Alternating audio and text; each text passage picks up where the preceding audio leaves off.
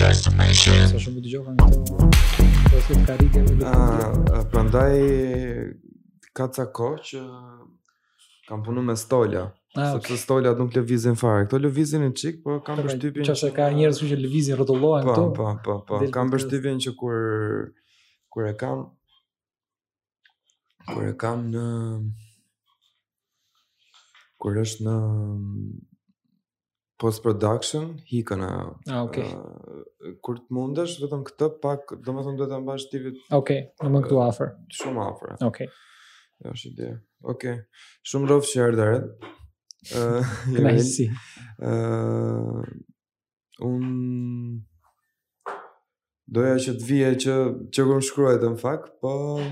Jo, unë un doja që të vija, po nuk doja të, të isha unë që të kërkoja të vija, domethënë, doja, doja të ishe ti që ta bëje planin, ta bëje programin sipas. po, çështja është që...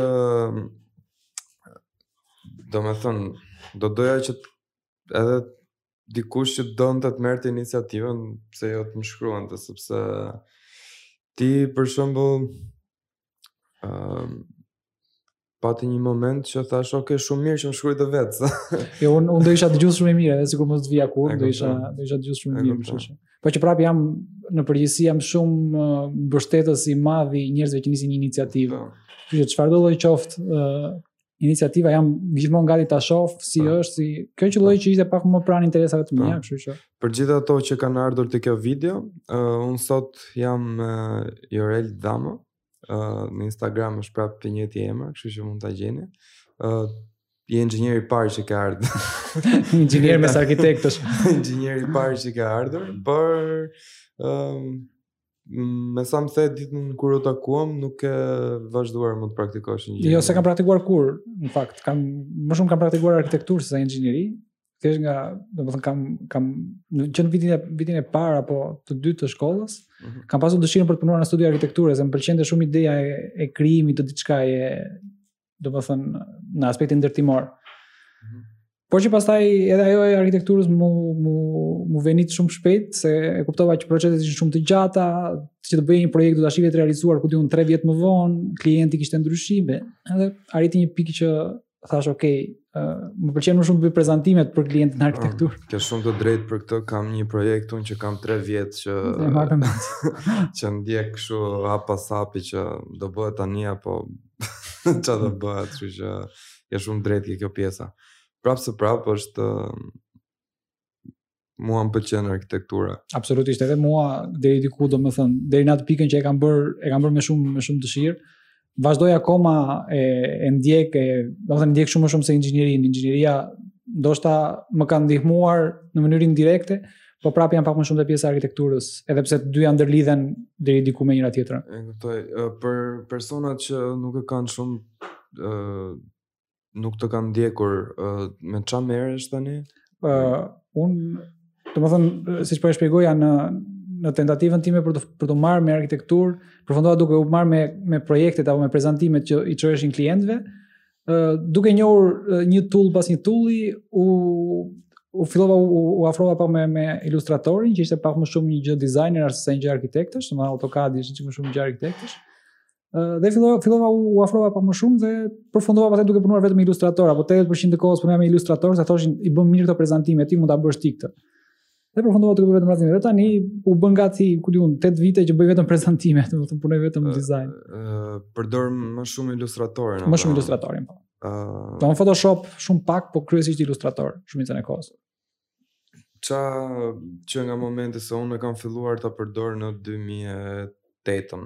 Mm -hmm. Ça mund të ketë ndryshuar nga ilustratori uh, që atëherë? Mund të ketë ndryshuar, ku di unë, 10% është ta, se baza është prapë po ajo, gjithë interfejsi është po ai mund të ketë ndryshuar aspekte dizajni që janë përshtatur pak më shumë me me dizajnin e ditëve të sotme është bërë pak më like user friendly është bërë pak uh, e kanë përshtatur për normalisht për iPad për uh, këto tabletat e, e viteve të fundit por që kryesisht domethënë baza është po e njëjta ngelet prapë aty domethënë vector based uh, program e kuptoj uh, në momentet e para që fillove arkitekturën Ëm uh, vitin e parë ne kishim më tepër punë me vizatim me dorë. Pastaj vitin e dytë kthehej pak edhe në projektim dhe kjo projektimi është shumë e rëndësishme që ti të kesh disa mjete që uh, po themi ke mundësi t'i shumosh vizatimet e tua, kthehesh mbrapa, domethënë duhet të kesh pak më eficiencë se sa vizatimi me dorë, kështu që fillon duke përdor programet. Uh, gjithsesi formatimi dhe prezantimi i projekteve në AutoCAD ishte pak jo maksimumi po themi. Nuk është fare, akoma s'besoj as tani, po. ndoshta ti e përdor më shumë, po as tani nuk është po, si, sidomos për qëllimin e sidomos për qëllimin e ë qëllimin e projektit që në fund ishte të bëje një prezantim përpara profesorëve, po themi. Uh, duhet më tepër të ishe vizual se sa tek pjesa që do të shisje teknik tek, teknikisht duhet ta kishe dhe po po të arrirë nga ana teknike po dhe ta kishe vizualisht të kuruar projektin kështu që fillova duke u marrë pak me photoshopin pastaj vitin 2000 nëntën ishte kjo, Photoshopit. Pastaj vitin e tretë, që ishte 2010-a, u futa ke ilustratori, sepse mhm. kishte edhe më këtë, domethënë, kisha mundësin që të eksportoja fajlet në DVG dhe po, po, t'i po. mbivendosja në një mënyrë shumë uh, është ajo vektor për place, vektor, kështu që, uh, që ti e mbivendos në një, e eksporton në A3 dhe e mbivendos në një A3. dhe aty kishe mundësi që Photoshopi nuk ta jep si mundësi për shkakun, kishe mundësi të editoje linjat, të editoje trashësinë e linjave, sepse AutoCAD ka një gjë që pavarësisht se ti editon linjat, kur dalin ato nuk janë po themi fiks fare sa ç'e shef aty mhm. grafikisht, mm -hmm. mund të ndryshojë një përqindje shumë e vogël. Kështu që ilustratori pastaj ishte shumë kishte shumë rendiment, po ishte gjithmonë ky problemi që laptopat në 2010-ën ishin pak Uh, ajo nuk e di a konsumon më tepër kartën grafike apo ramin? Kartën grafike kryesisht. Uh, është më tepër e kartës grafike. Po. Çfarë është vizualizim? Nëse me sa unë marr vesh nga kompjuterat është kryesisht karta grafike ajo që që është më e nevojshme. Pastaj kur vjen puna te ky rendering është shumë më e nevojshme karta grafike, po rami kryesisht është thjesht për të për të mbajtur uh, procesin. Karta grafike është për ta vizualizuar procesin. E kuptoj. Kjo kishte këtë pjesën që duke qenë se rëndohej shumë vizatimi. Ëh. Mm -hmm. Kam përshtypjen dhe rami do të lëmë dorë. Ndoshta. Ja, kështu që edhe në arkitekturë ky ilustrator është një nga këto toolsat më të rëndësishme. Nëse i vetmi problemi i ilustratorit për arkitekturë është që nuk është aq teknik, në kuptimin nuk të ndihmon aq mirë teknikisht, sepse shumë për shembull në AutoCAD ti për të bërë përmasimet e ke shumë kollaj, kap dy cepa dhe bën përmasimin. Në ilustrator do ta krijosh të gjithë nga fillimi, nuk ke një përmasim që është modul, po themi, në ilustrator ti të mund ta ndërtosh.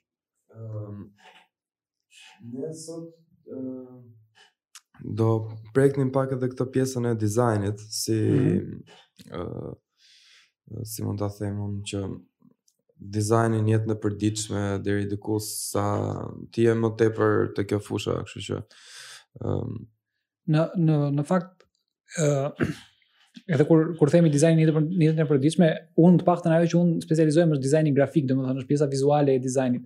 Po e dim të dy që po, dizajni po, mund të po, jetë industrial, mund të jetë uh, product design, mund të jetë gjithçka. Për për këtë dhe deri diku me uh, të ftuarit e tjerë që kemi diskutuar që sa gjithëpërfshirës është ky podcast i fokusuar ke arkitektura dhe dizajni, duke pas parasysh që dizajni përfshin shumicën e temave që mund të ketë jeta e përditshme, po themi që nga lugat, pirunj, Pikërisht. këto gotat që po pijmë tani, Pikërisht. domethënë çdo gjë ka një lloj mendimi mbrapa nga ana e dizajnit, kështu që ëm ndërsa te pjesa grafike pastaj Pjesa grafike pastaj është, domethënë është kryesisht komunikim i përfshirë i, i kombinuar me dizajn, domethënë është ë, uh, ku di unë kombinimi i uh, një kopi të mirë me një imazh të mirë dhe është domethënë është madje mua nuk më pëlqen ta quash design këtë këtë lloj gjëje, është gjë shumë e thjeshtë krahasuar me ku di unë se sa e vështirë është për të bërë një lugë, një pirun apo për ato që e kanë po, menduar apo e kanë konceptuar të parë. Po. Që ka ergonomi në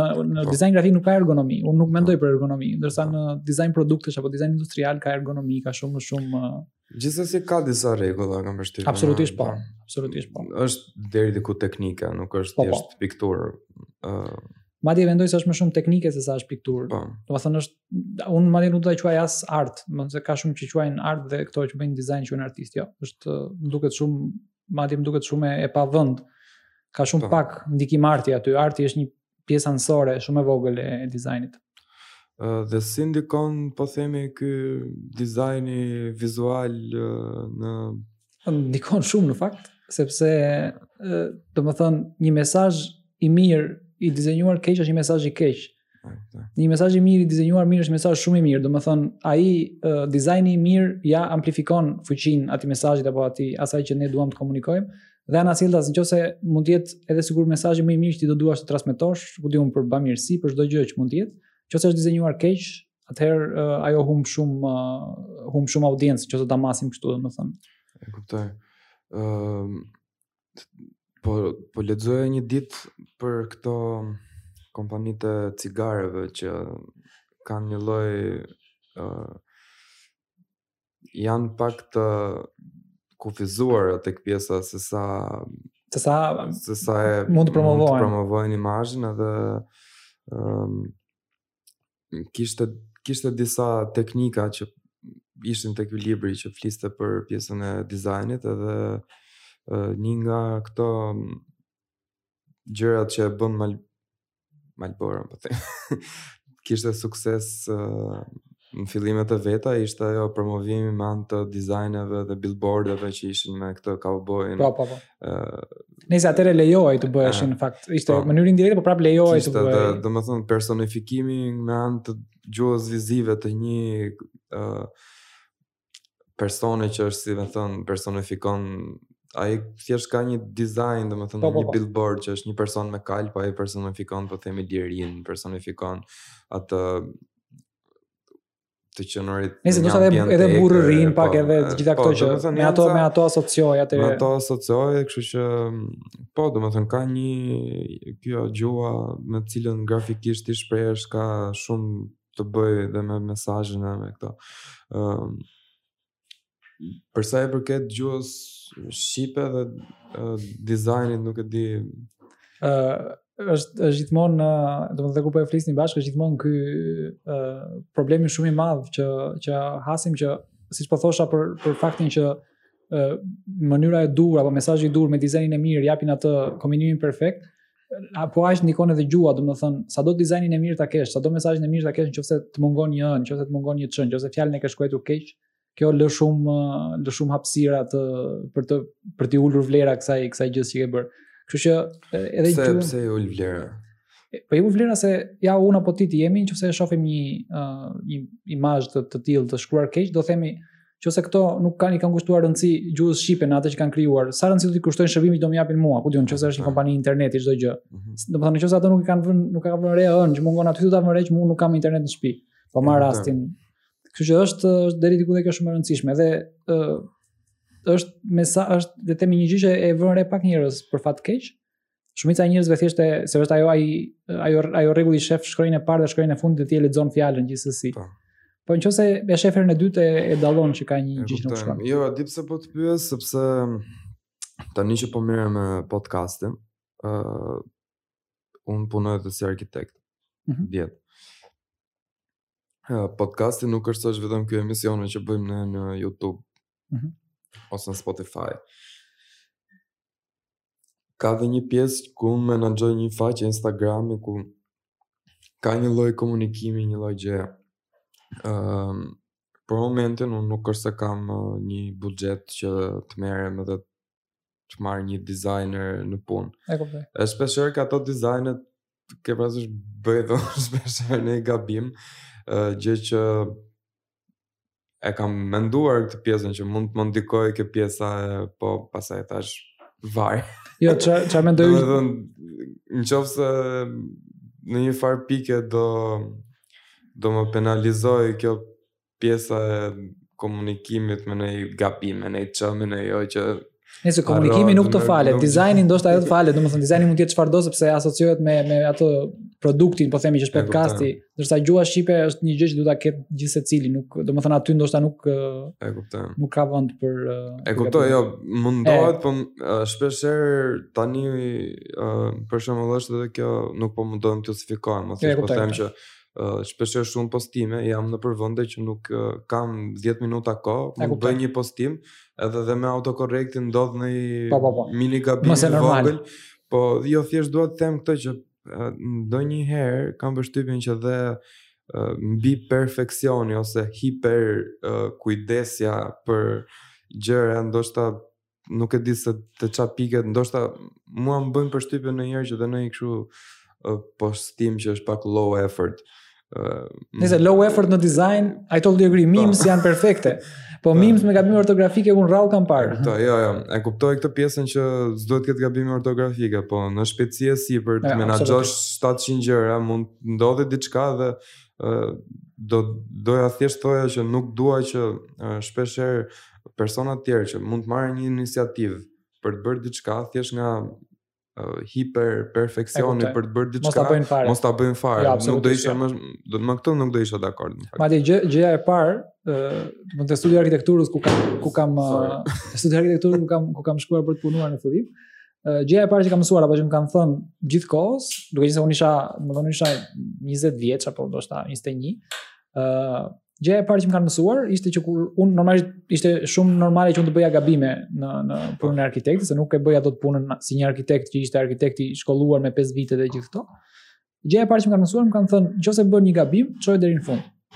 Kjo për të shkuar me me atë që po thoshe që ë uh, nëse ti ke një ide, ke një iniciativë, çoje deri në fund no matter what. Dizajni nuk e di bëje siç di ta bësh ti, gjuhën bëje siç di ta po. bësh ti. Është okay, mund ta përmirësosh me kalimin e kohës. Po. Mjafton që ti ta nxjerrësh idenë. Me këtë jam më tepër që uh, nuk e di se sa uh, është e bëshme kjo, domethënë, po që jam më tepër me learn by doing, domethënë, mëso duke bërë diçka, dhe ndoshta edhe pse e bën gabim, e përmirëson herës tjetër, nuk... Um, jam pak kundra kësaj gjykimit. Edhe, edhe, edhe unë jam kundra. Edhe pse ti mundohesh të krijosh diçka po po themi. Ë uh, mund të kesh bërë një punë të papar, do më thënë, punë kolosale, ta masin, ta masin në bazë të asaj. Për një ë, do më thënë, jo, jo. të matet ajo. Madje ke, ke këto komente tipike të dikujt që dikush ka bërë status për një, ku di unë, dhe po. është një që korrigjon atë fjalinë. E kuptoj një firmë që është firmë goxha e stabilizuar, që ka kohën dhe mendimin dhe gjithë infrastrukturën për të kuruar çdo gjë, po ka edhe uh, nisma të tjera që s'kan kohë të kurojnë çdo gjë. Po janë për uh, Nuk e di. e kuptoj, është jo është më se e drejtë. Domethënë, ajo kur është një një brand që që ka stafin, ka një person enkas për atë gjë, është shumë e shumë e rënd ai gabimi, se madje ajo ka dhe një audiencë pak më të gjerë, ku di unë e shohin, ku di unë 20000 veta. Qoftë se je je ti apo jam unë apo audienca është pak më e ngushtë normalisht, Kështu që ai gabimi aty është pak më ka pak më pak impakt, po themi.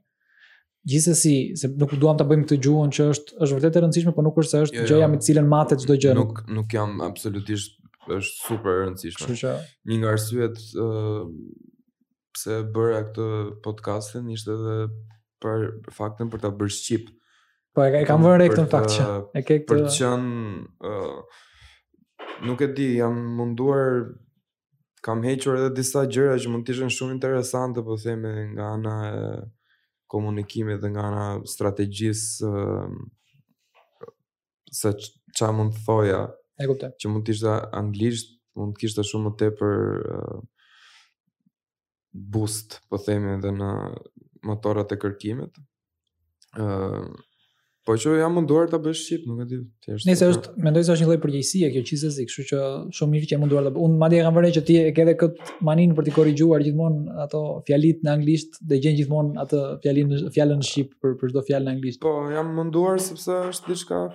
Kështu që deri diku edhe ti, domethënë me me dëshira, me dashje apo pa dashje, po themi e bën këtë gjë sepse e ke një Për shembull sot bëra një postim që kishte shumë lidhje me atë podcastin e fundit që bëmë. Podcasti i fundit ishte në lidhje me rutinën e punës. Aha. ë uh, të personave kreativ deri diku. Dhe Ishte një arkitekt që më pëlqeu rutina e tij. Mhm. Po ishte një tekst shumë i gjatë që Ishte Frank Lloyd Wright as, as, po, po, Frank Lloyd Wright as që kisha kohë që ta përktheja të gjithën, kështu që ok, vendosa që është ok se sot sot të gjithë din anglisht, kështu që është ok. Po, kështu që um, në këtë në këtë sens po themi që disa gjëra jam munduar që t'i bëj pak edhe më të lehta. E kuptoj, më më user friendly, po. do të thënë, më të afërta me audiencë. Ëm ehm, um, Po për sa i përket uh, në aspekti tjetër të dizajnit, Në lidhe me këto që po flisnim, po themi me advertising, me këto reklamimin. Unë fakt jam, jam, jam këshu... Ti merresh vetë me... Unë fakt bëj, bëj advertising, po bëj, bëj po. advertising, like 8 to 5, si bje, 9 to 6. Uh, dhe domethënë advertising zë pjesën më të madhe, madje të, të, të, të kohës time, jo të jetës. Uh, kam këtë këtë dëshirën e madhe që të të, të fokusohem te pjesa e dizajnit grafik në advertising, edhe pse advertising do të fokusohet më shumë te shitja në advertising, domethënë do që klienti at the end of the day të shesi. ë uh, Kryesisht jam kështu kundërshtari i parë i advertisingut, e nuk e pëlqej advertisingun për arsye, për për faktin që uh, gjithmonë advertisingu mundohet të të shesi një gjë no matter sa vlera ka ajo gjëja, ë domethënë mundohet që thjesht me një dizajn të mirë, me një copy të mirë të mashtroj, po themi, që ti të të shkosh të blesh atë atë produktin. Siç është rasti i cigares që po e po e diskutonim përpara që ë cigaria është advertising i mirë, edhe pse është një gjë që të gjithë e dinë që që i dëmton. Kështu që në këtë lloj mënyre kem kemi ku di unë fast food dhe çdo gjë që që do themi me, me, me, me prova shkencore, se s'jam unë që ta, ta them këtë gjë, po me prova shkencore është treguar që kanë më shumë uh, të këqija sa të mira në, në trupin e njeriu. Kështu që këtu uh, këtu nuk bie dakord unë me advertisingun dhe unë jam më shumë për pjesën e dizajnit grafik, kështu që mundohem ta bëj sa më mirë teknikisht atë gjën, atë dizajnin dhe pastaj ta ta konsultoj dhe ta shohin të tjerët në aspektin e advertisingut. Po, edhe fakti që punoj 8 orë dua apo s'dua do do përfshihem në atë gjë, kështu që dua apo s'dua ndjek çfarë bëhet në botën e advertisingut, ndjek se kush kompani ka bërë kë reklamë, si është reklama, mund ta gjykoj, mund të bëj gjithë këtë këtë që bëjnë persona që merren me advertising në përgjithësi.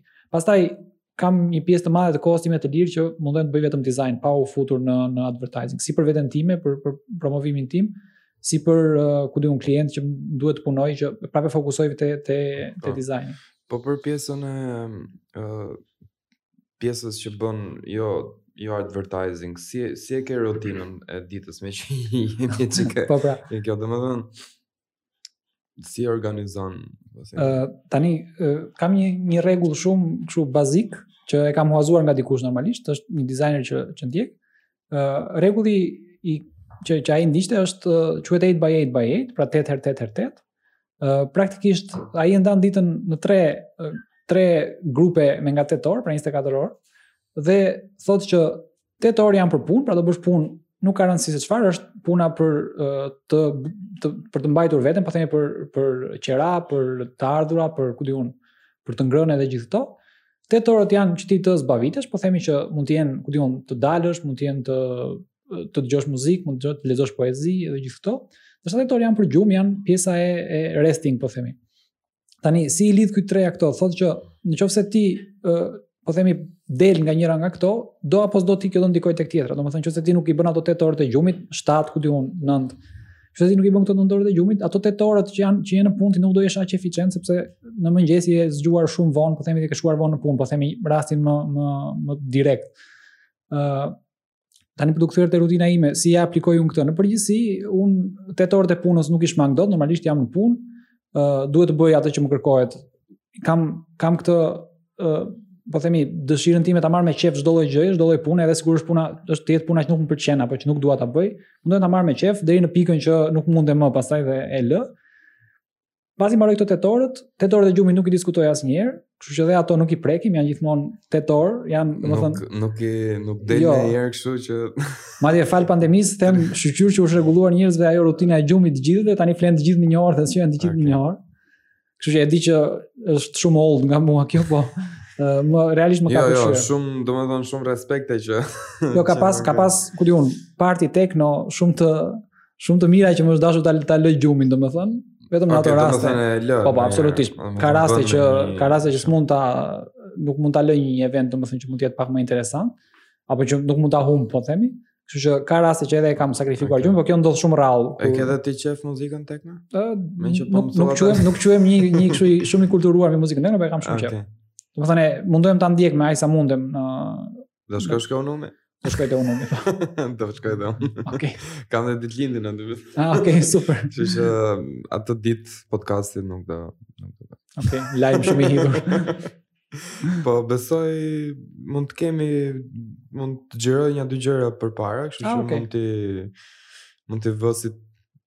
Super. Për të hedhur ditën për ta mbajtur për ta mbajtur gjallë. Po. Nejse për ta për ta mbyllur këtë punën e 8 orësh po. që po thosha, domethënë ato 8 orë të gjumit dhe 8 orë të punës nuk kemi çfarë u bëjmë. 8 orët që mbeten, po themi for fun, që është pjesa e që ti mund të uh, kalosh kohë me, ku di, me miq apo me njerëz më të afërt. apo me, ku di, me të shtëpisë, uh, unë këto tetë orë i shfrytëzoj për të bërë ato punët që unë nuk mund t'i bëj në gjatë gjumit apo gjatë punës uh, për ditë. Kështu që unë vërtet ato tetë orë nuk janë tetë orë, por është pjesa që bëj me qejf. Kështu që unë e, kas, e, e, e konsideroj fun, e, e konsideroj pjesë të të zbavitjes po themi. Uh, mund të qëllojë që ku di unë 2 orë nga ato tetë orë mund të qëllojë që mund të dal, mund të apo 3 ku di unë. Pjesa tjetër është gjithmonë duke punuar me me me klientë të mi që prapë thashë e fokusoj më shumë edhe pse mund të jetë advertising dhe ajo që bëj në kohën e lirë, e fokusoj më shumë te dizajni që të mund ta marr me qejf e të mund ta bëj në mënyrën e duhur. Ëm um, nuk e di kam ça ça mendimi ke për këtë para ca kohësh, ose nuk e di para ca kohësh, tamam fiks. Po, po imagjinoja me një shokun tim, imagjino sikur çdo gjë t'ishte pa asnjë lloj brendi dhe pa asnjë lloj dizajni, t'ishte vetëm çdo gjë e bardhë, si me thënë, edhe mos t'kishte asnjë lloj, mm -hmm. po themi, Për shembull, kjo shishja të ishte një shishe, pa asnjë lloj uh, logoje, pa asnjë lloj gjëje, të ishte çdo gjë... Si... Debranded që vetë. Debranded, a? Po. Kjo, debranded që vetë? Po, e pabrenduar praktikisht. Uh, në shqip. Po, e pabrenduar. edhe po themi gjitha gotat ishin njësoj, domethënë mos të kishte të fokusoheshin po themi po, këto energjitë te një gjë pak më uh, Shiko kush është kush është problemi. Fakti që ekzistojnë brendet, fakti që ekzistojnë ku di unë format e ndryshme të gjithçkaje, ku di unë shishe birre në qoftë se do të marrim ato si shembull, ë uh, është bërë për arsye që njerëz të ndryshëm të zgjedhin në varësi të shijeve të tyre. Kështu që ekzistojnë shumë lloje të njëjtës gjë, pra shije të ndryshme, ngjyra të ndryshme, forma të ndryshme, që njerëzit të zgjedhin diçka në varësi të karakterit të tyre, të pëlqimeve të tyre.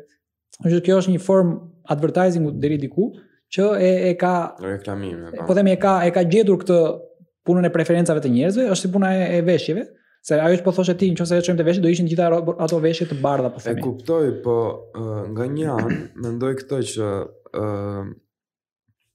në momentin që ka shije të ndryshme, mm -hmm. mund të vësh shije të ndryshme në shishe të njëjta, po themi, dhe të ketë një emërtim shumë minimal që është me këtë shije. Domethënë, është kjo loja e brendeve të ndryshme, është për arsye të diferencimit të shijeve të njerëzve, dhe me anë të diferencimit të shijeve të njerëzve ti bën dhe një mbiprodhim, po themi dhe bën dhe më shumë mbetje, realizon më shumë uh, qese, plastikë, të tëra, apo është për arsye të diferencimit të firmave në vete që duan të ketë të kenë një lloj uh, identiteti po. konkurrimi me njëra tjetrën që të diferencohen. Që të diferencohen. Domethënë nuk e di sa njerëzve mund t'ja përshtasësh shijet me pa dizajn mm -hmm. dhe uh, po themi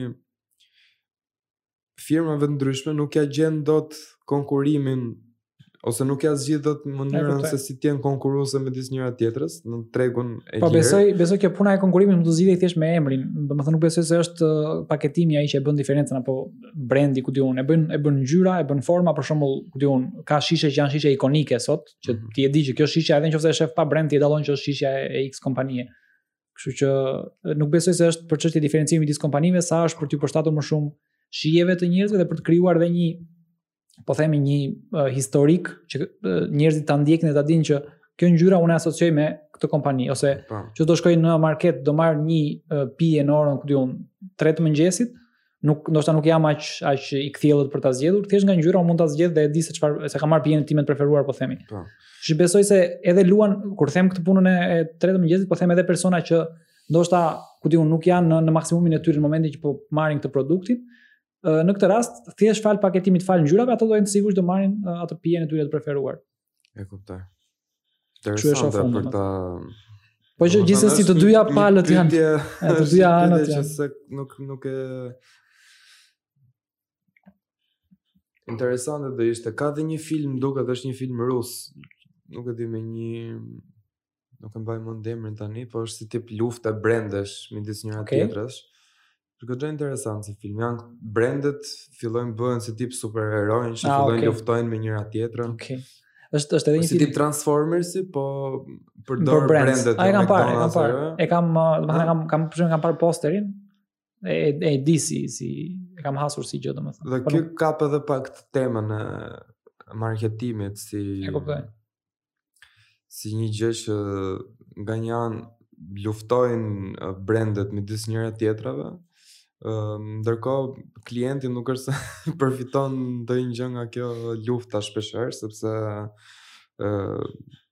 nuk është se ka ndonjë hidhen miliona e miliona tek pjesa e marketimit. Dhe nga ana tjetër nuk është se ti përfiton ndonjë gjë shumë të madhe nga këto uh, që mund të ishin përdorur për research, për të bërë një nuk është gjë nuk është gjë direkte domethënë që ka impakt. Nuk të ndikon, nuk të ndikon direkt fare. Praktikisht ato thjesht blejnë vëmendjen tënde, nuk është se po, po, po investojnë për ku di unë në research apo do ishte perfekte. Në kërkime për ta përmirësuar atë realisht, për ta përmirësuar atë produkt që ti po merr, është thjesht një mënyrë se si ato konkurrojnë midis njëra-tjetrës në tregun e lirë. Ja për shembull, një rast që më vjen në mend këtu domethënë që unë duke duke qenë se të gjithë sot kemi telefona, ë uh, kam vënë re për shembull këtë që deri para, ku di unë, 10 vitesh, ë uh, dilte një model i një telefoni dhe ishte ai model për gjithë vitin, domethënë ky është modeli duhet të ecësh me këtë model. Pastaj modeli që dilte i radhës ishte një model thjesht pak më upgrade, domethënë me pak më shumë RAM, me pak më shumë kapacitet, pak më shumë memori, mund të bëje më shumë foto.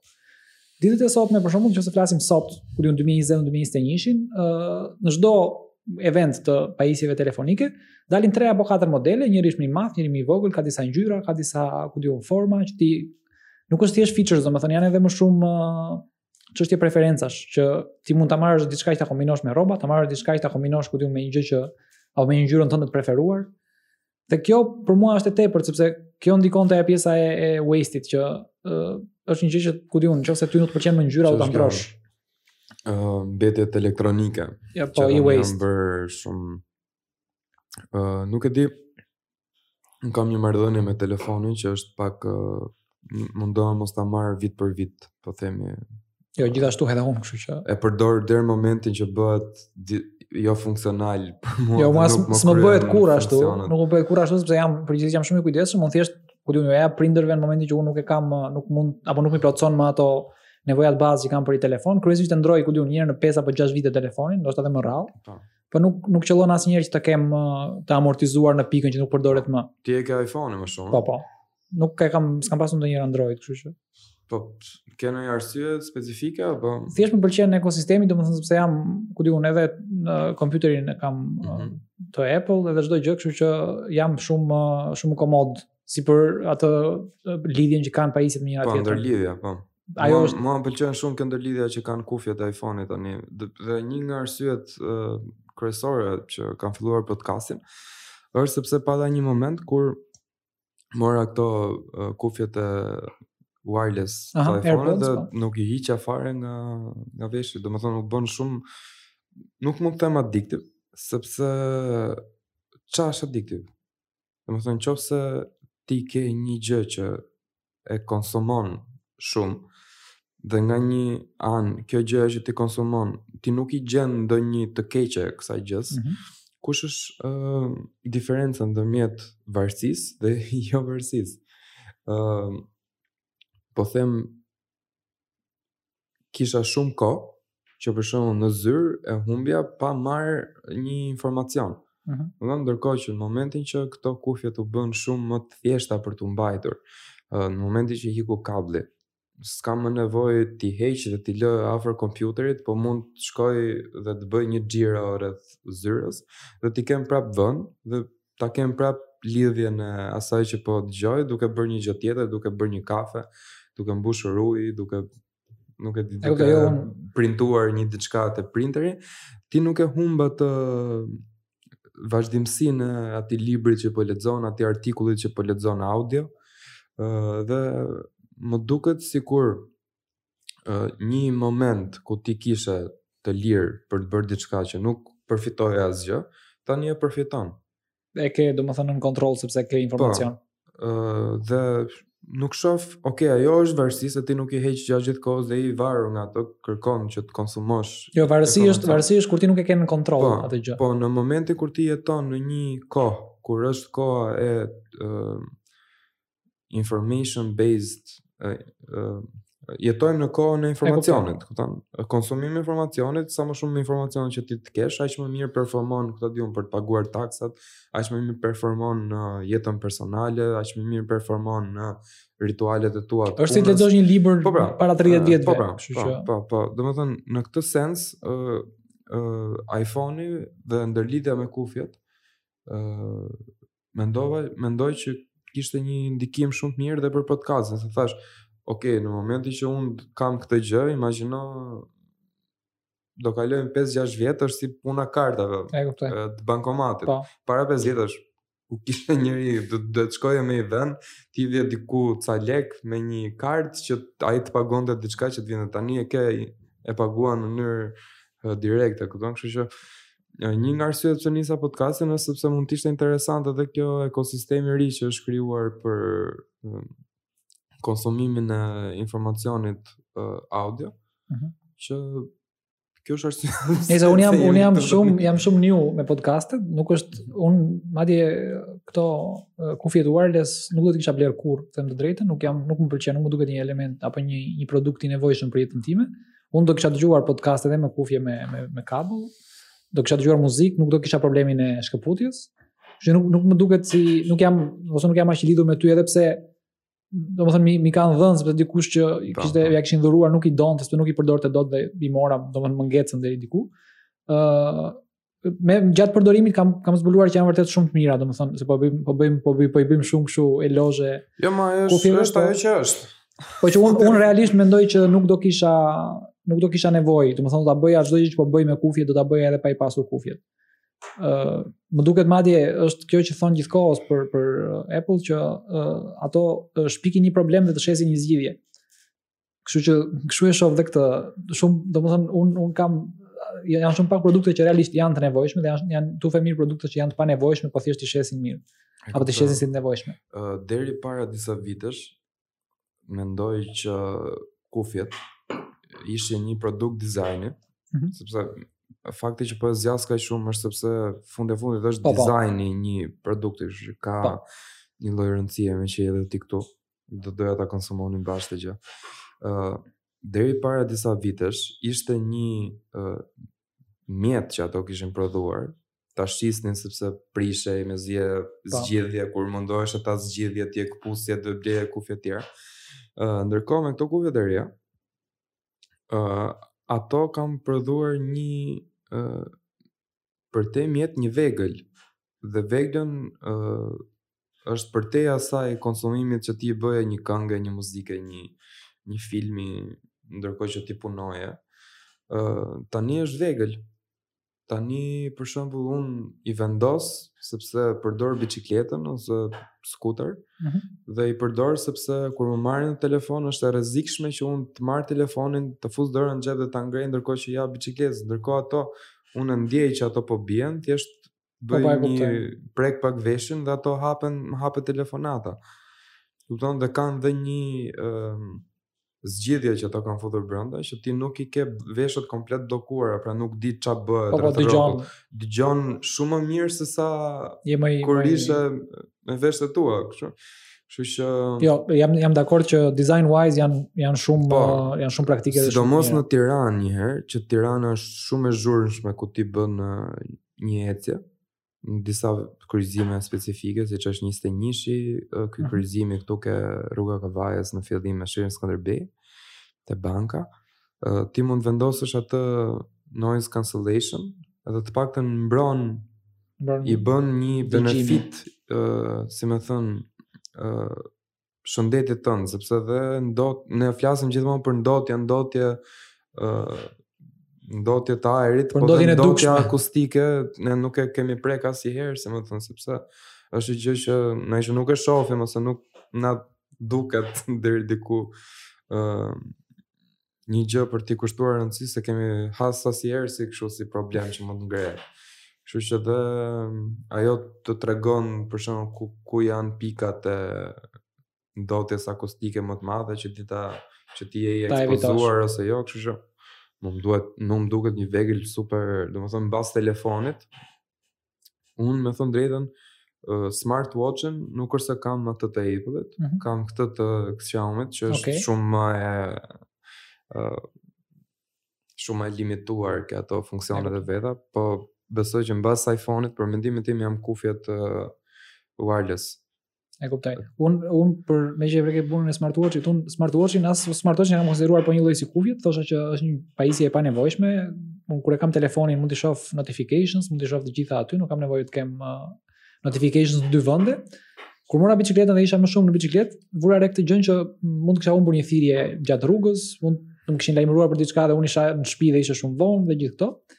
Dhe uh, mendova këtë që që do më duhet të marr një smartwatch, nuk do marr s'bën një smartwatch që është shumë i shtrenjtë, siç është Apple Watch, po do marr një smartwatch që është pak më i lirë që ta shoh, ta bëj po themi ta testoj un vet se sa të nevojshme e kam.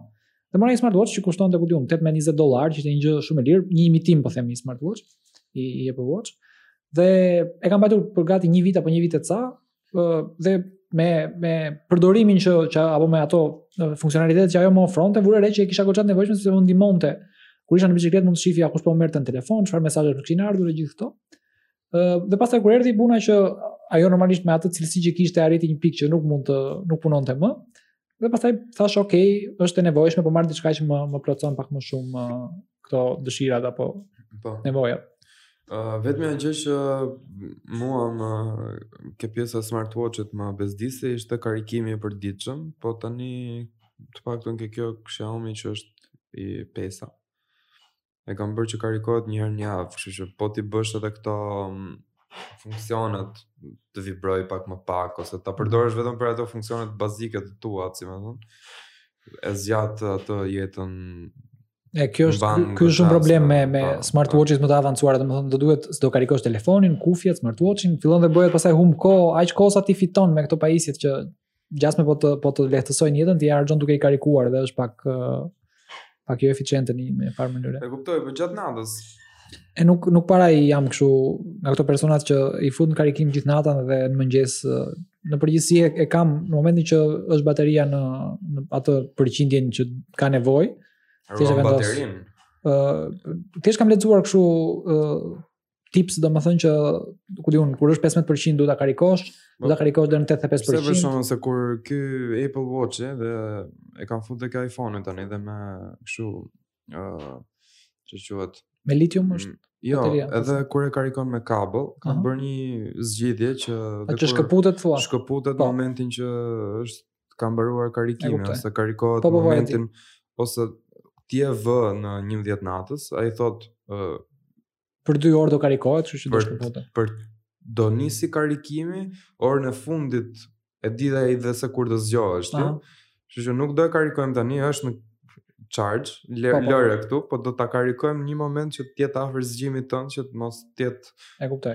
Mbi karikuar momentin. Nëse un kështu kështu e kam më e kam bërë atë pjesë të rutinës këtë lloj mënyre, kështu që nuk e mund ta karikoj në punë, mund ta karikoj në kudiun në shtëpi, kudo që jam. Jam shumë ok. Domethënë i kam karikuesit gjithmonë me vete, domethënë e di këtë gjë që nuk ka. Okej. Ehm, si është doja të shikojmë pak edhe këto tiny tiny houses. Mhm. Mm se më pëlqejnë shumë. Ehm, jo, ajo është më shumë arkitekturë sesa dizajn, por që prapë është edhe dizajn. Kështu që uh, Edhe po hap, po hap nja dy kështu sa për uh, janë kabina, po themi, që kanë gjitha funksionet brenda. Dhe janë po themi si një shtëpi që ti ke të gjitha funksionet e tua brenda. Këto... Domethënë, imagjino një ambient 20 metra katror, ku ti ke brenda krevatin, i ke të gjitha, po themi brenda. Kanë, kanë një koncept shumë interesant dhe arsyeja pse unë i pëlqej. Tiny houses kanë një koncept shumë interesant që thonë janë shtëpi që janë bërë për të të për të push apo për të shtyrë ty të, të jetosh jashtë, po themi. ne tani edhe në në në ditët që jetojmë, shpinë e kemi kudiun vetëm vendin që shkojmë për të fjetur, se kudiun hamë jashtë, punojmë jashtë, gjitha gjërat i zhvillojmë jashtë mureve të shtëpisë. Kështu që shtëpia është vetëm ai vendi ku shkojmë për të fjetur dhe duam thjesht të jetë një vend i qetë që thjesht të flemë. Kështu nuk ndoshta nuk kemi nevojë për ato, kudiun 100 e kusur metra katror apo kudiun 80 metra katror të një apartamenti mesatar. Por edhe kudiun një familje e vogël, dy apo tre veta mund të jetojnë fare kollaj në kudiun 20 apo 25 metra katror me po themi dizajnin dhe arkitekturën e duhur të të interierit, po, të bërë sipas nevojave. Me shumë pak uh, hapësirë dhe me shumë pak kosto. Kam përshtypjen një tiny house, një shpi e vogël si këto, shkon diku ke 20 milion lek. Ne varet gjithmonë varet nga nga ku themi buxhetet apo nga nevoja që do kesh, se ka njerëz për shembull që nuk nuk tolerojnë tek po themi pjesa e kuzhinës, e pajisjet e kuzhinës, kështu që ndoshta kuzhina do kushtoj nëse i, i, i, janë njerëz që kanë nevojë për atë pjesë. Por e mira e kësaj është që mund të personalizohet në deri në në detajet më të vogla. Pra ti mund të marrësh të vendosësh vërtet gjërat që ti ke nevojë aty. mund ta bësh me hapësirë pune, mund ta bësh me ku di unë me loft, mund ta bësh me me një ku di unë uh, projektor që të shohësh filma, çdo gjë që të jetë po themi hapësira jote e e çlodhjes, po. mos jetë asnjëherë hapësira jote që thjesht duhet ta mirëmbash, ta pastrosh të bësh gjithë këto. Në 20 metra katror ti mund të pastrosh për për 30 minuta, për gjysmë ore. Kështu që kjo është një kjo që po shohim është një është një iniciativë në Francë. Domethënë mund t'i mund t'i përshtasësh fiks sipas nevojave të tua dhe mund të jenë komplet domethënë janë praktikisht të bëra për ty. Gjë që një apartament nuk mund ta ofrojë këtë sepse ti shkon në një apartament, dhomat janë të ndara në një farë mënyre, po flasim aspektin struktural të të ndërtimit, ndoshta ndonjë mur mund edhe ta prishësh. Dhe sado ta customizosh, ballkonin do ta kesh se s'bën në një në një drejtim që e ka përcaktuar po. uh, ndërtuesi dhe gjithë këto. Për më tepër pastaj ë uh, nëse e marrim në aspektin e kostos, uh, tiny houses kanë kosto, nuk e di, ndoshta në në Shqipëri akoma nuk janë kostot në atë pikë që ti mund të konsiderosh një opsion, sepse ndoshta janë pak më të përballueshme, por që përgjithsisht një tiny house, po themi me me ato gjithë ato kushte mund të shkojë 20-30 mijë euro, mund ta ndërtosh me ku di unë me kontejner, me forma nga më të ndryshme, po realisht është një alternativë shumë e mirë krahasuar me çfarë të ofron sot ajo tregu i apartamenteve. Për më tepër ti mund ta marrësh dhe ta parkosh po themi në një zonë që është nuk është fiks në qytet, është pak më e larguar dhe atë kosto që ti do do shpenzoje për të bërë për të blerë një shtëpi po themi ku di unë 40, 50 apo më shumë, ti mund të blesh thjesht një makinë dhe me këtë rast edhe lëviz pak më shumë edhe bën edhe pak më shumë aktivitet. Ëm um, tiny house Është edhe në Netflix, më duket. Ëh. Mm Kanë një ça quhet? Uh, dokumentar të vetin. Nuk, nuk e mbaj mend emrin si e ka ajo Tiny Ta, House something. Ëh, um, kohët e fundit kam zbuluar një lëvizje tjetër, mm -hmm. që quhet uh, Living Small. Mm -hmm. uh, janë arkitekt ose jo arkitekt ose persona entuziast dizajni, të cilët dizenjojnë shtëpi shumë të vogla mm -hmm. nëpër qytete. Domethënë, në zona shumë të dëndura, ku ti nuk ke mundësi të blesh një shpi shumë të madhe, sepse kushton shumë metri katror, këto marrin shpi të Apartamente, po themi 20 metra katror, 24 metra katror, ose 40, po themi dhe i dizenjojnë me konceptet e tiny house-it. Domethënë është një shtëpi e vogël, e kuptoj. Po apartament i vogël, dhe bëjnë gjithë këtë aspektin e funksionalitetit maksimal ku ti i bën një uh, mezanin uh, që është tipike tek tiny house. Po, një uh, lavamani është gjithmonë më i vogël uh, që këto dollapi është pothuajse uh, muri që ndan banjon po, me shpinë. Shfrytëzojnë në maksimum çdo cep, po, domethënë. Po, po, dhe dhe kjo më duket interesante. Po themi duke patur parasysh edhe këtë anën e kostove. ë uh, Unë po themi kam një apartament shumë të vogël në që nuk është i imi, që e kam me qera, në blok. Mm -hmm. uh, ai apartament ishte një zyrë përpara dhe me 2-3 rregullime shumë të vogla, arrita që të krijoja një mini zyrë që ishte edhe mini apartament me një tualet shumë të vogël, po në 20 metra katror kam arritur që të organizoj po themi Dhe prapë nuk besoj se të mungonte ndonjë gjë kështu e Jo, jo, jo. Domethënë ajo është ajo është shtëpia e madhe, është më shumë ideja e shtëpisë së madhe, nuk është realisht ajo që ti shfrytëzon. Po.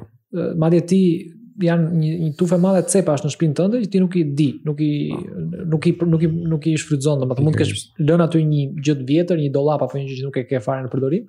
Dhe ajo gjëja, ajo hapësira ai cepi është i vdekur, nuk nuk ka asnjë lloj uh, vlere. Dhe jetën e formaton në një farë mënyre me hapësirën e re që ke. Pikërisht.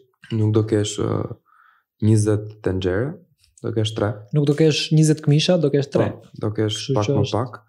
Uh, për shembull te ky apartamenti më bën përshtypje shumë, sepse uh, lavamani është 30 me 30. Mm -hmm. është sa për të qënë, Minimumi. është në kufijtë e... 25 më duket se është më e vogla. Po, uh, 30 me 30, ë dhe kuzhina është diku te 2 metra e gjitha. Dhe ë kjo ça quhet ë pianura. Pianura po. është nga këto pianura dyshe. Po.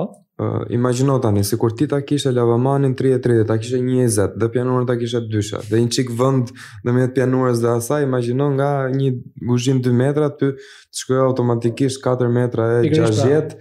shtyrja duhet të shtysh murin më andej, do ta kesh normalisht kur ti zgjeron edhe këto ke edhe pjesë uh, të guzhinës poshtë, këto kutiat e guzhinës që ti uh, kapakët. Uh, që normalisht në qoftë se zgjerohet pjesa sipër do zgjerohet edhe pjesa poshtë, më shumë uh, kosto dhe për guzhinën poshtë. Dhe unë kësaj guzhinës i bëra këto që nuk gjeta një guzhinë super të vjetër aty, Nuk e mhm. ndrova guzhinën që ishte. Okay. Mora thjesht kapakët i hoqa. E ke refurbish. Dhe thjesht i ribëra kapakët nga para. Dhe më ngjan deri diku e pranueshme. E saktë, e pranueshme, e pastër. Për sa kohë është funksionale, po, nuk nuk do të Dua dua të them që kjo lëvizja small houses uh, Living Small. Uh -huh. uh, deri diku më pëlqen sepse siç tiny house ka disa të mira që deri diku përdor këtë pjesën e lëvizshmërisë. Po shpeshherë tiny house jo të gjitha lëvizin. E lëvizin një herë në 10 vjet ndoshta kur ku diun duan të ndryshojnë. Po, po jo të gjitha janë me rrota. E, okay. Ka nga ato që janë Po ka dhe që i lëviz me vinç nga sipër dhe i po, i lëviz prap. Po. Këto kanë këtë gjë që përdoren shpesh herë gjëra që janë aty te apartamente, këto të living small. Mhm. Uh -huh. kanë një ja të tregoj diçka në qoftë se janë në Instagram nuk e, nuk e kam pa ndonjëherë në fakt.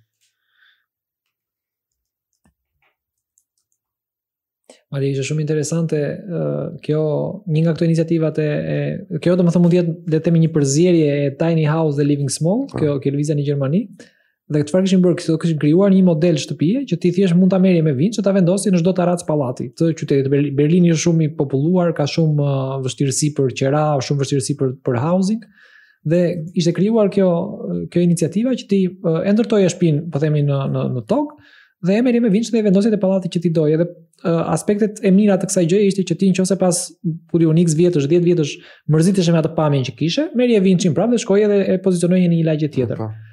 Uh, ja do të tregoj diçka nga kjo Living Small. Janë këto Ok. Për shembull hapësira shumë të vogla, uh, ku ah, po themi... Kjo është never too small, e kam, po. është, e kam parë kanalin. Po. Madje e kam parë dhe këtë, këtë video të gjithë.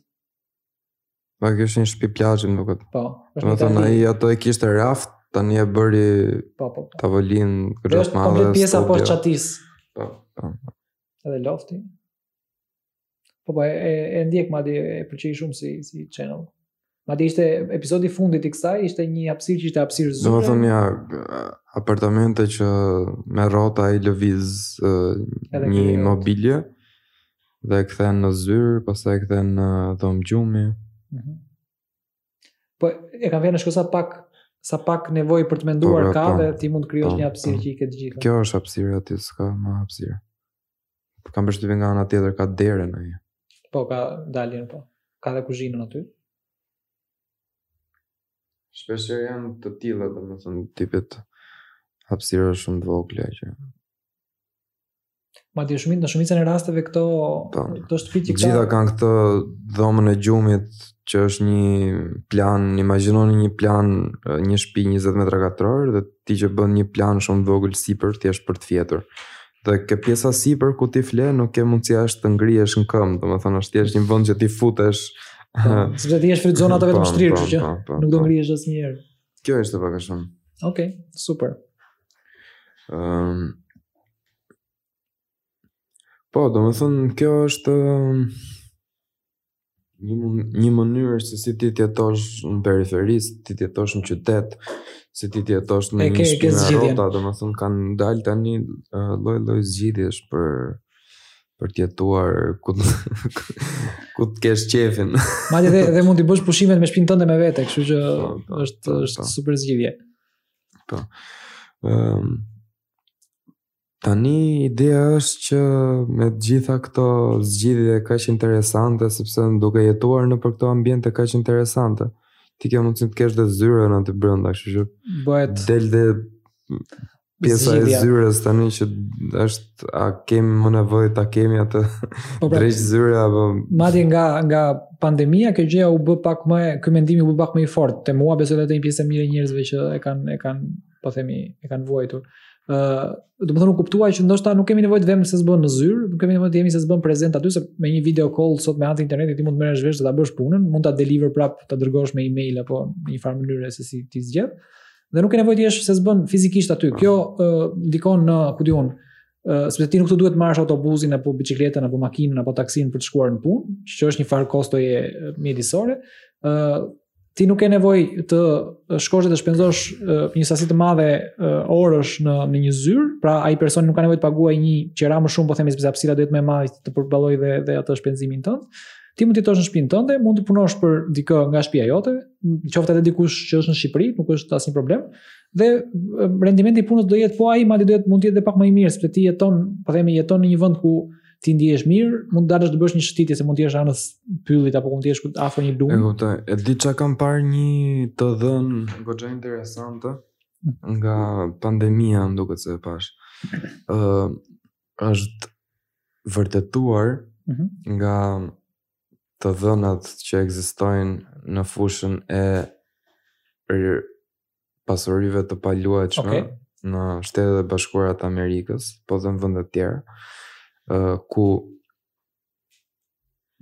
për pasuri të paluajtshme, persona që kanë uh, kompani mm -hmm. uh, të orientuara drejt teknologjisë, pra të këto kompani të drejtuar rreth okay. drejt po. teknologjisë ose rreth teknologjisë, nuk di se si ta përcaktoj më mirë tani rreth apo. Ë uh, ka një ë uh, total metrash katrorë të marra me qera zyra ose të blera, mm -hmm. më të madhe se çdo lloj ë uh, si më thon industri tjetër industri tjetër gjë që ngre pikëpyetjen mor po këto njerëz që punojnë dhe kanë webkamet më të mira kanë kamerat më të mira kanë internetin më të mirë kanë pajisjet më të mira kanë telefonat më të mirë kanë gjithë infrastrukturën e ndërlidhjes më të mirë si ka mundësi që kanë ambiente më shumë se sa çdo industri tjetër domethënë o mund ta bëjnë këto punën të pavarur nga zyra si asnjëri tjetër. Po prap duket që janë këta që kanë ambientet më të mëdha për zyra. Kanë ambiente më të mëdha se kanë dhe lek më shumë, ke parasysh kanë dhe mundësi për të pasur, si më thon, hapësira ku ti dhe të flesh ke ku ta di unë kopsht brenda. Bëhet të çat çudira ata po, në po, po. vetvete, kështu që është çik pak më e rritur, po prapse prap nuk e justifikon që Nejse besoj shumë shpejt të flasim që të themi tani që sepse akoma jemi me me Po e kuptove pak a shumë se çfarë. E kuptova. Ah. Teknologjia te ne ka ku di unë 10 vjet që është kjo që është, që është e avancuar që ne mund të bëjmë video calls dhe gjithë këto. Deri më përpara kanë qenë të pamundura, domethënë interneti nuk ishte aty ku është. Ë, uh, kështu që kompanitë janë akoma në atë idenë e uh, e menaxhimit të vjetër, pra ai menaxhimi që unë duhet ta shoh punonjësin tim kur punon dhe kur bën punën time. Ndërsa nëse nuk e shoh, ai nuk do bëjë punën dhe unë jam do jam jemi akoma në këtë në këtë lloj mentaliteti. Pandemia kjo, domethënë kjo kjo që ndodhi i shkundi pak themelet e mënyrës tradicionale të të punuarit. Pra u detyruan shumë njerëz se ngelën po themi në në një shtet tjetër, nuk mundën të vinin sepse ishte ku di unë ajo mbyllja për të gjithë, kështu që nuk mund të vinin në punë për një arsye ose për një tjetër dhe të gjithë u detyruan me apo pa dashje të adaptojnë këto apo të të të përqafojnë këto mënyrat e reja të të të punës. Dhe u vure që që pati një një rendiment pak më të lartë krahasuar me me ato mënyra të tjera, sepse njerëzit ishin në ambientin e tyre të të të të po themi të çlodhjes. Jo se, dil hajde nga puna jo. Dhe nuk kishte këtë po. procesin e, e të zgjatur. Gjithsesi mendoj se ka të bëjë pastaj edhe vetë personi. Ndoshta ka disa ka disa njerëz që kam takuar madje shumë njerëz që thanë që nuk e kishim kollaj të punonim nga shtëpia, për ne ishte e vështirë të punonim nga shtëpia. Kishte njerëz un un kam bërë diku një muaj që kam kam qenë i mbyllur gjithë kohës dhe mua më ka shijuar ai ai procesi. Domethënë un vazhdoja ta aplikoja atë njëjtën rutinë, un kur isha në punë isha në punë, kur isha jashtë pune isha jashtë pune, pra un nuk nuk u përgjigja telefonatave, po them nëse ishin për punë jashtë orarit të punës. mbaroja atë 8 orë që duhet të bëja, pushimin e drekës e, e zbatoja po njëlloj edhe pse isha po në shpi, kështu që nuk kisha asnjë dhe mendoj se kjo ë ka të bëjë në mënyrën se si secili e, e percepton. Po. Ka pas shumë njerëz që kanë thënë, "Jam në shtëpi tani, ok, nuk po punoj, pse duhet të punoj, si mund të punoj dhe të jem në shtëpi njëkohësisht." Kështu që po e shijon edhe e merr pak më po. lehtë. Dhe kjo ndoshta nuk i ka nuk i ka pëlqyer personave që që e kanë punësuar, kështu që. Ëh, uh, ta them është shpejt për të thënë tani po. ne që uh, pse këto kompani që janë teknologji me teknologjinë më të avancuar nuk e kanë bërë këtë gjë. Do ta bëjnë, po ama kjo ishte një, po themi një shtysë shumë e madhe kjo pandemi. Do ta bëjnë, po ama do do marrë pak më shumë kohë, nuk është një gjë do do ndodhë. Ato do jenë të parat që do ta bëjnë. Për shembull një nga uh, aspektet teknologjike që mua më ndikon te podcasti ta thashë dhe pak mhm. shumë mm -hmm. para ca ditësh është fakti që Nikon nuk ka nxjerrë akoma këto dummy mhm. batteries mm. që ti ke blerë një kamerë dhe s'ke nxjerrë një aksesor që ta fusësh në prizë. Do ta pret ta bëjnë palë të treta. Po duhet ta bëjë ajo që unë ta marr origjinale, kupton, jo ta po, po. marr nga një Do nuk e nuk e kanë uh, ose u mund të ketë ngelur procesi në ndonjë problem të të momentit të fundit dhe e kanë. Se të gjitha këto uh, linqet që shoh në Reddit ose Aha. në këto platforma të tjera ka thjesht artikuj që të mësojnë si të si të hack, si ta hackësh ose si të marrësh një ë marr disa mjete dhe marr ca tela që t'ia shtosh baterisë, ta nxjerrësh këtu të shka ko për ta bërë. Po mbase koke po është është e rrezikshme. Ma bëj një bateri, kupton që ta Po, po. Plus edhe me korrentin, këto janë pajisje aq të shtrenjta në fakt që tash i prish merresh t'i fusësh duart, si thonë. Dhe nuk ka kuptim. Nuk ka kuptim, sepse ti do një gjë origjinale që asaj mos i shkojë voltazhi po, më po. shumë më pak, kupton?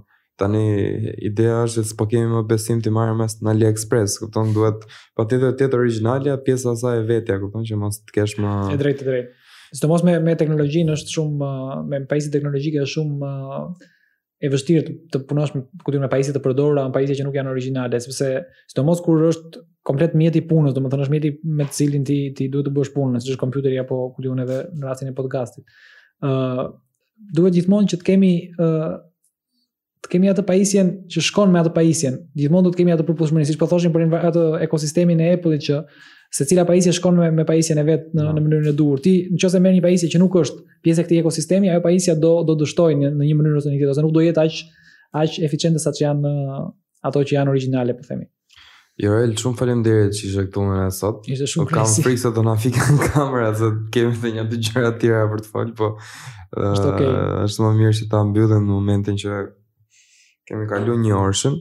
Okay, këto kanë diku ke 67 minuta, po... Nuk i Herës tjetër do vij me bateri me vete dhe unë. Ëm Shumë interesante ishte kjo në fakt sot për pjesën e dizajnit, më pëlqeu pjesa që folëm pak për gë, pjesën e ekosistemit të këtyre pajisjeve teknologjike, mënyra e dizajnit si kanë ndikuar, si s'kanë ndikuar.